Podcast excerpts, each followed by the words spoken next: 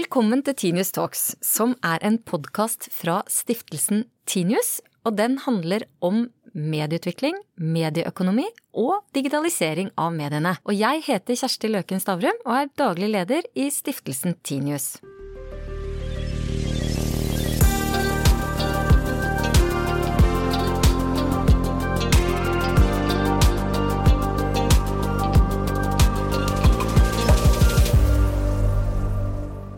Denne episoden av Tinius Talks skal vi snakke om det som etter hvert nesten er blitt medienes væren eller ikke væren, nemlig eh, evnen til å kunne ta betalt for innhold, og da særlig abonnement. Eh, og til å opplyse oss og forklare og, og ikke minst se framover om abonnementsmarkedet, har vi med oss Jon Erik Ofstad, som har jobbet med abonnement, abonnementsstrategier, analyser og salg helt siden 80-tallet. Eh, og nå er du en del av selskapet Subscribe.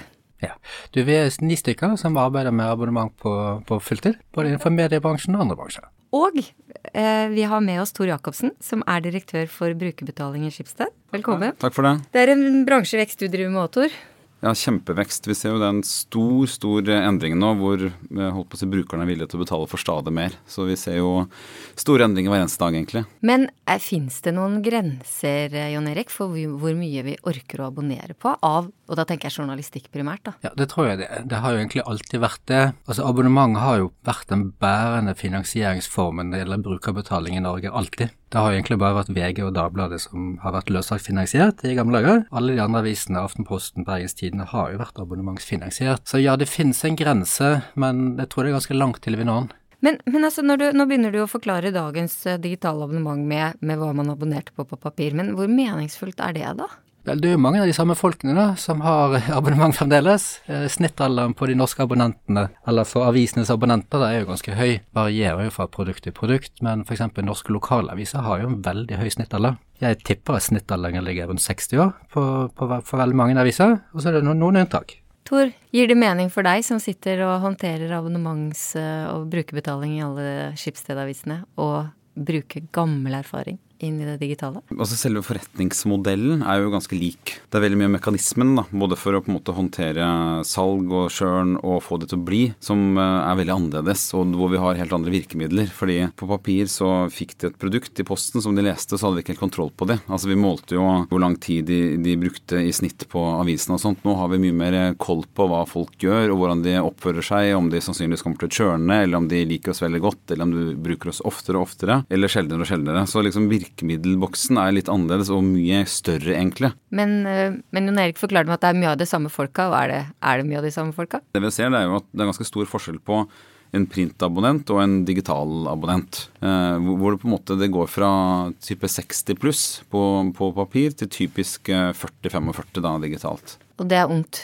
Ja, det kan jo man diskutere. Det er vel kanskje en av mediebransjens største utfordringer, tenker jeg. da, altså Få fatt i den aldersgruppen unge voksne, eller hva du skal kalle det for, da, som er mellom 30 og 40 år. De aller yngste har jo aldri vært abonnenter, altså sånn historisk sett. Men jeg mener det er en kjempeutfordring for mediebransjen at man står såpass svakt mellom 30 til 40-åringene. da. Og nå når vi snakker om de unge, så begynner jo jeg å tenke på Spotify med en gang, selvfølgelig. Eh, hvilken, for da, nå er det jo veldig mange unge som vokser opp nettopp med et digitalt abonnement, og, og sånn sett er annerledes enn gårsdagens unge, da. Er Spotify til hjelp for mediebransjen, tror du? Generelt sett så tror jeg at de unge, eller millennials, eller hvilken ord de skal kalle de for, altså at de Vi ser jo det at de er ganske positive til abonnement som sådan. Det kan være medieprodukter, men det er også andre produkter. Altså at man da foretrekker å abonnere på ting istedenfor å kjøpe det. Så, så viser jo det at uh, man er positiv til abonnement. Og så har jo mediebransjen noen spesielle utfordringer, for de står svakt i den gruppen 30-40 år. Uh, noe som jeg tror i stor grad skyldes produktutvikling. Er du enig i det, Tor?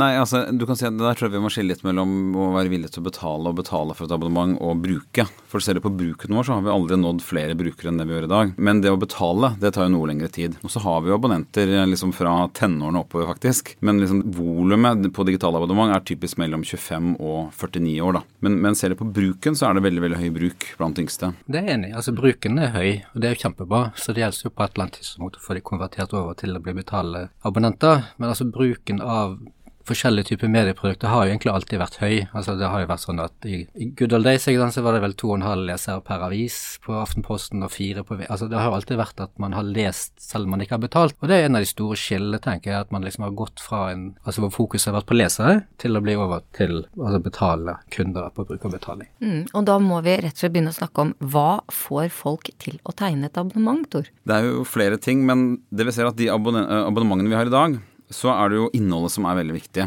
De som tegner abonnement, er jo typisk eh, heavy user eller storbrukere av eh, merkevaren. Så, så, er du en VG pluss-abonnent, så er du en veldig storbruker av VG. Er du en Aftenposten digital-abonnent, så er du en storbruker av Aftenposten. Så det, det, er typisk driver. En annen ting er jo kampanjer. Altså Vi har kampanjer eller salg eller den biten der som gjør at du har lyst til å komme inn og få et godt tilbud, så du kommer inn døra ja, du, er, du leser VG ofte, derfor kan du like gjerne abonnere. At det er en tenkning. Men er det da typiske VG-saker som, som fører til at folk tegner abonnement, eller? Der ser vi jo en endring. altså Der var det en veldig endring fra noen år siden til nå. Så du kan si at de type saker som, gjør at, som utløser et salg, blir jo tettere og tettere på kjernen i VG. Altså Det er mer nyheter, rampelys og sport enn det var for noen år siden. Men, men vi ser jo det er visse temaer som i større grad utløser abonnement enn som leses på den gratis. Eh, og Et eksempel her er jo liksom mental helse, som har blitt veldig veldig stort her. Eh, forbrukerstoff også er veldig veldig stort. Og det ser vi, det er jo noe som folk er villige til å betale for og ønsker å vite mer og mer om. da. Jon Erik, du har jo et bredere perspektiv på abonnement enn bare mediebransjen. Du jobber jo med abonnement som sådan. Er det da som heavy user, altså storbruk av en merkevare og kampanjer, er det det som hovedsakelig driver inn abonnement, eller er det noen andre grep dere ser? Altså I mitt hode så har liksom abonnement vel, det, har vært en, altså det har vært en utvikling i tre faser. Hvis i gamle dager, og det var da jeg begynte å jobbe, så var det liksom veldig mye av fokuset var på innsalg og innlåsing. Det var aviser, teleselskaper. ikke sant? Få de inn, og så var det utrolig vanskelig å komme ut igjen. ikke sant? Og så har du liksom neste fase, som er sånn type Netflix, Spotify, det er billig, det er enkelt uh, osv. Det vi ser nå på den tredje fasen i abonnementsutviklingen er jo at de forskjellige abonnementsproduktene tilpasser seg nye samfunnstrender, for å si det sånn. ikke sant? Altså De unge er opptatt eksempelvis av bærekraft. Samtidig så hvis du har vært på Instagram med et eller annet klesplagg tre ganger, så har ikke du lyst til å bruke det mer, ikke sant. Og så har du lyst til å være bærekraftig. Og så er klart, da er jo abonnement en løsning, ikke sant. Det kommer mye fashion mot abonnement. Så da er det en kombinasjon av kampanjer, hvordan samfunnet endrer seg, holdninger og muligheter. Og så selvfølgelig godt gammeldags salg òg på toppen. Du har nevnt churn et par ganger, Tor, eh, eller eh, og hvorvidt man faller fra. Er, eh, er de digitale abonnentene lite lojale? De er mindre lojale enn de papirabonnentene som har vært hos, hos en stund. Um, og, og, det er klart at det ser vi og veldig mange andre medieselskaper, at vi har for høy churn. Uh, og det er jo liksom flere grunner til det, tror jeg. Uh, og det ene ting er jo det at liksom, noen av de mer offensive salgskampanjene, da får man også inn folk som kanskje ikke er like overbevist, eller de må overbevises under turen. Eh, og så ser vi at bruksfrekvens det, det, er jo veldig stor sammenheng med churn. Så bruker du ikke produktet nok, så vil du churne etter hvert. da. Og det er egentlig den aller, aller viktigste um, delen å ta tak i. Og så tror jeg det er en tredje sak som er viktig, og det er jo at eh, vi og andre medieselskaper har jo ikke utarbeidet veldig gode lojalitetsmekanismer. Og der er det en del andre selskaper som er utrolig gode. To eksempler er jo Spotify og SAS. Uh, Spotify, der er det jo litt kjipt å ikke bli abonnent. Altså Er du abonnent, så er det litt kjipt å gå ut av det. Du har liksom spillelister, du har historikken der, du har all den kurateringen. Du har kanskje et familieabonnement, så mange andre blir irritert hvis det går ut. SAS har jo den omvendte logikken. Liksom, jo mer du bruker, jo kulere det er, er å være SAS-kunde. Og den type mekanismer har ikke vi utvikla godt nok, tror jeg. Så der også tror jeg vi kan jobbe bedre, da. Er SAS nye, nye forbilde, Jon Erik? Jeg tror det er veldig få som greier å være SAS. Det er mange som forsøker å være det. Altså, det finnes jo x antall lojalitetsklubber rundt omkring. Uh, så jeg tror det er at en del av de nye lojalitetskonseptene er faktisk betalt abonnement. Uh, ta Amazon Prime, for eksempel. Altså, hvor nå ja, 17 millioner abonnenter i Tyskland, der halvparten av husstandene har et abonnement på Amazon Prime for 8 euro i måneden. Og det du får der, det er jo det vi kaller for et Greenfield-abonnement, Altså du får da fordeler. Uh, vi har sett det også i andre bransjer. altså vi har Skobransjen, Bianco Pluss, de har et abonnement som koster 100 og 480 kroner året. Eh, og det du får da, det får du rabatt når du kjøper sko, pluss content og litt sånn forskjellig. Så, så, det man ser, det er jo på en måte at en del av de nye lojalitetskonseptene er type abonnementsløsninger som du betaler for. Og fordi at du betaler, så får du da fordeler. Og så ser vi jo at det øker jo på en måte frekvensen av kjøp. Altså Amazon Prime sier jo det, tror jeg, at hvis du er Amazon Prime-medlem, så handler du to og en halv gang mer enn hvis du bare kommer inn på Amazon. Så jeg tror det at eh, ja, det kommer til å skje mye på det området.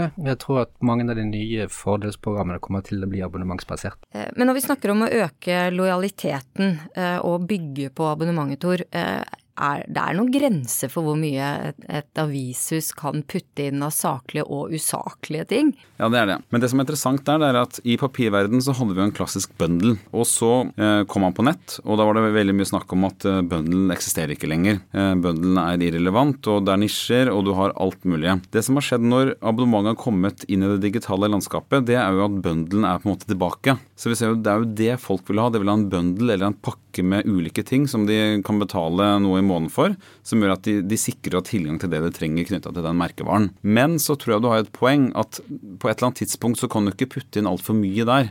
Du må ha en pakke som er relevant i en slags sammenheng. Og der har vi gjort noen tester på å putte på nye elementer inn, hvor folk ikke har noe mer betalingsvillighet, eller det øker ikke deres verdi. Og da må du lage det som et tilleggsabonnement. Så det er igjen områder man kan eksperimentere med. Men folk liker at det er en sånn pakke med ulike ting. Det ser vi veldig tydelig. Og, og Jon Erik, du har jo nevnt eh, sko og klær. Du kan ikke dytte det inn i et avisabonnement? Jeg tror det kommer til å bli mange flere abonnementer. Altså det er jo sånn at I dag så har du et avisabonnement, og det er egentlig det. Jeg tror det kommer til å bli flere abonnement som tilbys, ikke sant? så du kan velge litt selv. Jeg vil ha Aftenposten og sånn, eller DN og sånn. Og bundling er jo spennende. Altså et morsomt eksempel er en trimsykkel, Peloton, i USA, som er ganske dyr. Og der følger det med et obligatorisk abonnement på innhold som er på den skjermen hvor du sitter og sykler. Som er et eksempel på en bundle, et fysisk produkt og et medieprodukt. Og det finnes mange sånne bundler. Men jeg tror det kommer til å bli et større utbud av forskjellige abonnementspakker som du kan velge blant som konsument.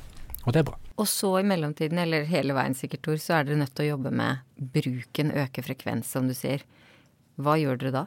Det er mange ting du kan gjøre. Et eksempel, Svenska Dagbladet har vi en morgenrapport som kommer, som kommer, daglig. Som oppsummerer kort hva som er det aller viktigste som har skjedd siste døgn, og gir deg liksom input på de tingene der. Som kommer på mail, eller? Som kommer på mail, og det kommer på nettsiden. Men da må du være abonnent. Eh, det er et eksempel. Et annet eksempel er jo å tenke mer personalisert, som vi gjør en del steder, hvor vi ser at er det ting du har gått glipp av, eller saker som vi vet du liker, og minne på de, enten på siten eller på mail eller på, i andre typer sammenhenger. Og, og, det vil også komme helt nye elementer inn her. Det vi ser, da, som en del andre gjør også, det er jo at i den, når du har den abonnementsrelasjonen du har, så kan du utvikle en del andre typer produkter, og det tror jeg vi kommer til å se mer og mer av. Eh, det var interessant å se New York Times nå, fordi siste halvår i fjor hadde de halvparten av sin abonnementsvekst utenfor sin redaksjonelle kjerne. Så det var jo da vekst fra kryssord, det var fra en cookingtjeneste de har, og delvis e-handel. Så halvparten Halvparten av deres vekst var jo utenfor det redaksjonelle produktet. Og nå kommer de med et helt nytt produkt som heter Parenting, som er type en tjeneste eller en redaksjonell tjeneste om hvordan du skal oppdra barn. Så vi ser jo det at du har den abonnementsrelasjonen, og at du kan bygge på mer og mer. Og det er liksom to store fordeler med det. Det ene er jo at du selvsagt øker omsetningen og impacten til kunden, men det gjør kanskje også at du har større muligheter til å Du tar en større del av livet, og du kan liksom tilby enda mer relevante tjenester da, som gjør at du kanskje blir mer happy også. Det, det kommer jo stadig gladmeldinger fra, fra USA, særlig fra New York Times og Washington Post. Men i hvilken grad er de kopierbare? Det er jo to ganske spesielle medieprodukter. Eh, det er klart at de har jo hatt Trump, som eh, det er mye rart å si om, men det er klart at han har jo fått medieinteressen på et sånn helt spesielt nivå i USA, som er en slags fordel. Uh, og de har også et internasjonalt marked. De har et kjempestort hjemmemarked og et internasjonalt marked ikke vi har når vi er norskspråklige og svenskspråklige. Samtidig så er det mye av liksom arbeidsmetodikken og hva man er opptatt av sånn, som er ganske relevant å, å lytte på. Uh, og der har vi snakka med begge, altså både New York Times og Washington Post, og det er ganske mye spennende å, å lære der. da. Samtidig så er vi både Norge og Sverige ganske langt framme. Vi har et ganske digitalt marked. da. Ja, For Norge er vel egentlig et forbilde for resten av verden, Jon Erik, er det ikke det? Norge og Sverige, altså Norden syns jeg har egentlig lagt langt fremme lenge, alltid, altså på abonnement. Men det to sider også har jeg veldig tro på. altså det at Når du har en abonnementsrelasjon, så har du på en måte det vi kaller for customer expansion-muligheter. Det er klart det at jeg syns det Economist miste spennende. Uh, sist jeg så på tallet derfra, så tror de nesten 25% av inntektene kommer fra andre ting enn annonser og bruk av betaling. Og det er da kurs, det er bøker, det er e-commerce, altså hvor de bruker den kunderelasjonen til å, å skape nye strømmer. Og det tror jeg det kommer til å bli mye fokus på. Men jeg leste like før eh, jeg møtte dere nå i dag, så leste jeg en, eh, en artikkel på, fra Pointer Institute som, som snakket om subscription fatigue, altså en trøtt tetthet for, eh, for, abonnementer. Er vi der at dette nå begynner å nærme seg en peak, eller er det Ja, altså når det gjelder subscription som sådan, abonnement som sådan, så, så er det er jo en megatrend. Altså det vi på konsulentspråket kaller subscription economy. Det er jo altså det er sant, Biler kommer i abonnement, klær kommer i abonnement, klokker kommer i abonnement altså, ikke sant? altså Du går fra, å eie et produkt til å abonnere på det, så generelt sett nei. Så klart innenfor en sektor så kan du jo risikere det, selvfølgelig. Og igjen, jeg tror jo svaret på det at du hele tiden produktutvikler konstant. Men og Grunnen til at jeg stilte det spørsmålet er jo litt fordi at noen av oss har jo erfart at hvis det er noen abonnementer vi gjerne vil ut av, eller tenker at vi ikke bruker så ofte, så er det ikke så lett for å riste de av seg.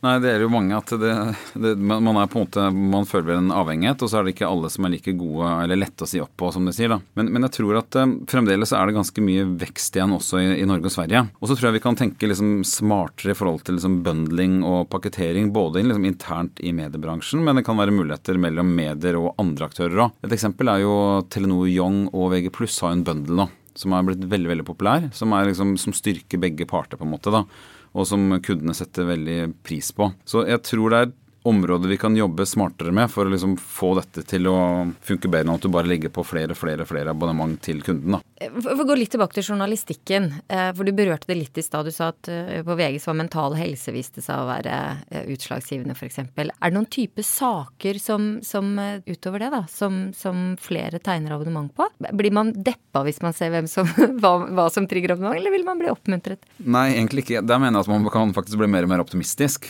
Fordi For noen år siden så var det nok mye mer ganske langt unna liksom, kjernejournalistikken som solgte abonnement. Nå går det nærmere og nærmere kjernen. og vi ser også at det er ganske forskjell på brandene. Jeg nevnte dette med liksom relasjoner, mental helse, forbrukerstoff. Det gjelder på en måte alle brands. Det er ganske sånn det, det, er folk villige til å betale for interessert i. Men ellers så ser vi jo sånn typisk Regionsavisen er jo veldig knytta til dette med um, lokalstoff. Aftenposten har jo typisk eh, forstå verden, eh, og, og du, du, har lyst til å lese en sak på Aftenposten uansett.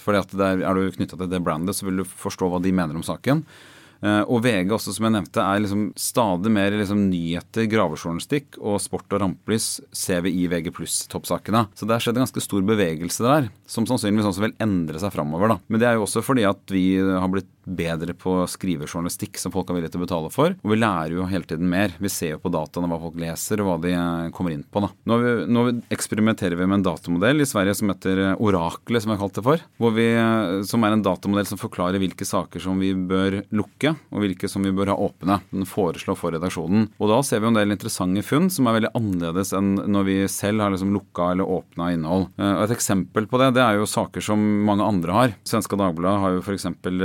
Um, en, sett et eksempel hvor han Jordan Peterson, eh, en kjent um, psykolog som holdt foredrag i Sverige, som alle avisene skrev voldsomt mye om en periode. Og da tenkte man det kan ikke vi skrive om, for det får du gratis overalt. Men det sa jo da oraklet dette må dere ta betalt for, og vi testa det. og da var det på topplisten flere dager på rad masse artikler om han som du egentlig fikk mer eller mindre likt de andre stedene. Og Det samme har vi sett f.eks. hos Aftenposten, hvor en av de mest solgte sakene ved forrige valg, det var jo valgomater som du får gratis stort sett overalt, men man har lyst til å lese det hos Aftenposten. Ting er veldig knytta til det brandet og den konteksten du er i, da. De eksemplene, Erik, de, det de forteller er vel egentlig at det er utrolig viktig å bruke fremadretta teknologi og, og data for å, for å, kunne drive produktutvikling på den måten du etterspør? Ja, definitivt. Og så er det som Tor sier, så merkevaren er jo kjempeviktig. Altså de verdiene som ligger der. Det har vært diskusjon av og til liksom er merkevarens betydning blitt mindre. Jeg mener egentlig tvert imot. Og så er det jo også da, tenker jeg på altså De fleste aviser i Norge er lokalaviser. Og vi har jo gjort noen undersøkelser hvor vi har spurt de aktive abonnentene, passive og de som aldri har vært, i de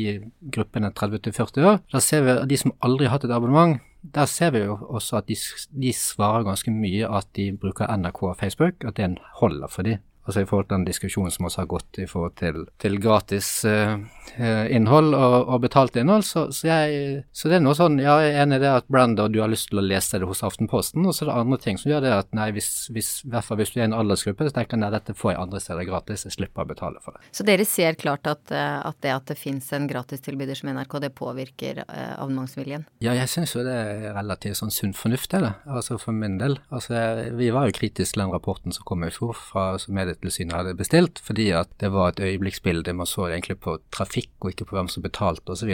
Som vi da også gjorde oppmerksom på den gangen at vi var ikke enig i metodikken. Uh, altså Det de hadde gjort, var sikkert faglig sett kjempebra. Og det var et øyeblikksbilde, ikke sant. Og så var effekten om ti år, da. Men det hadde sannsynligheten mot seg, egentlig? Ja, altså, jeg syns jo ikke det er rocket science. Altså Hvis du er eh, mellom 20, 30, 35 år, bor på et lite lokalt sted, kanskje har litt sånn dårlig råd, ikke så interessert, og så, og så, får du dekket mye av det lokale via nettverket ditt på Facebook og andre sosiale medier, og så ser vi at ganske mange av de svarte NRK når vi spurte hva de, hva de brukte. Så, så ja, ja, jeg mener jo det. Så jeg mener at man burde ha boret litt mer i det, tenker jeg. Men da berører vi egentlig også prisspørsmålet, Tor. Eh, er én krone er det, er det, et bra tilbud, eller er det et dårlig tilbud? det er jo et knallbra tilbud. Det er ikke noe tvil om. Nei, der har vi jo litt ulike modeller. Eh, og det vi ser, er at um, den der énkroneren er veldig populær, og det som er lønnsomt for veldig mange av mediene over tid. Det samme ser vi jo i USA og England, hvor veldig mange har liksom 99 cent eller noe sånt i starten. Og så er jo prisene relativt høye, særlig i Norge.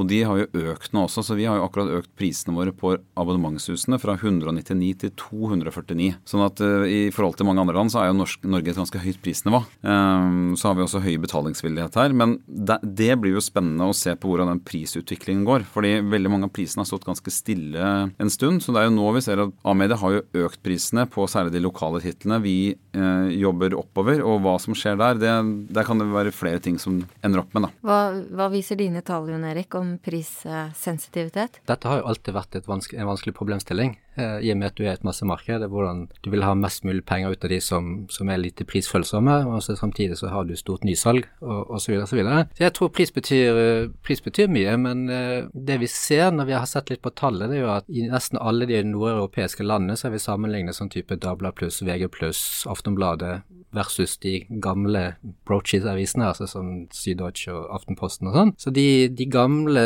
si, løssalgsavisene i abonnement de har lagt seg på rundt sånn 40% av type Aftenposten, sånn generelt sett. Så det har liksom etablert seg noen slags prisnivå, da. Og der er jo også fordelen digitalt at du kan teste så enormt mye. Eh, fordi i papirverden så gjorde vi det som heter conjoint-tester, som vi jobber med fremdeles. Men det er noe mer teoretiske. Gidder du å forklare det? Ja, altså i, i, Det vi ofte gjør eh, digitalt, er at vi rett og slett tester nye priser ut i markedet. Vi gjør det nesten hele tiden. Så er det noen som får, eller de får tilbud om en annen pris, og så ser vi hvordan det slår ut i salget. Så får de jo, når de først betaler abonnementet, så får de den ordentlige prisen. For vi har ikke lov til å charge det høyere enn hva listeprisen er. Men det er jo for å, å sjekke betalingsvilligheten ganske kontinuerlig. da. Så der gjør vi ulike tester, og det samme er jo hvordan du setter opp prisene eh, på disse, det vi kaller salgsplakatene. Så den typen hvordan ting ser ut, hvordan det kommuniseres og selve prisene er jo veldig lett å teste kontinuerlig digitalt. Så det gir også en helt annen fordel enn tidligere. da. Og I kjølvannet av det så må jeg jo også spørre om hvor, hvor ofte bør man fakturere, da? Nei, der har vi jo de aller, aller fleste digitalt um, får det månedlige. Så der er det også en litt annen dynamikk enn det er på papir, hvor noen faktisk har årsfaktura. Og da får du en ganske svær eh, klump med, somme, med penger en gang i året. Eh, men, mens digitalt er jo den månedlige, det som på en måte har blitt litt standard. Eh, også fra, fra, aktører som Spotify og Netflix og hele gjengen. Er det, det Hva viser faktaene? Jeg må måle det mot hva dere vet. Det å ha en effektiv betaling, ja, at du ikke liksom får disse store regningene sånn, det er kjempebra. Litt sånn på tampen. Uh, Jon Erik, du har jo vært med i bransjen lenge. Ville avisene vært mye bedre hvis vi hadde visst alt det vi nå vet om hva folk er villige til å tegne abonnement på? Jeg vet ikke, for helt ærlig. Altså jeg, jeg, som du sier, jeg har vært i bransjen lenge. Og så jeg, sånn som jeg har forstått tallet, så har jo fremdeles Aftenposten i 2004, når jeg sluttet, hadde fremdeles flere abonnenter enn dere har i dag. 15 år etterpå. Så jeg tenker sånn at det er jo det at abonnementsbiten har blitt mer synlig fordi at annonseinntektene har gått så mye ned, ikke sant. Så, så, det har alltid vært det, men det har blitt så mye mer synlig. Tor, um, bør man snakke om, som jeg syns jeg kan se, at abonnement skal redde avisene? Er det din tilnærming, eller er, det, er ikke det så smart å si? Altså Om det skal redde avisene alene, tror jeg ikke det skal gjøre. Men jeg tror det blir altså For det er en stor, stor fordel at abonnement er viktig. fordi at avisene blir mye mer konsumentdrevet eh, i liksom tilnærmingen på produktutvikling, i hva man skriver. Eh, der, der, har du et kjempegodt poeng. Og, og, det påvirker veldig mange aspekter som er veldig bra for brukerne. Da. Eh, det er et stort område også omsetningsmessig, og det kommer til å bli viktig for å finansiere fri og uavhengig journalistikk. Da. Så jeg tenker at det er veldig veldig good news at vi, vi, stadig flere er villige til å betale for journalistikk. Flott. Jeg tror vi skal gi oss der. Jeg er helt sikker på at vi kommer til å snakke mer om abonnement i denne podkasten, men det er ferdig for denne gang. Og da skal jeg si tusen takk til Jon Erik Hofstad, som jobber i selskapet Subscribe, og Tor Jacobsen, som er direktør for brukerinntekter i Skipsted.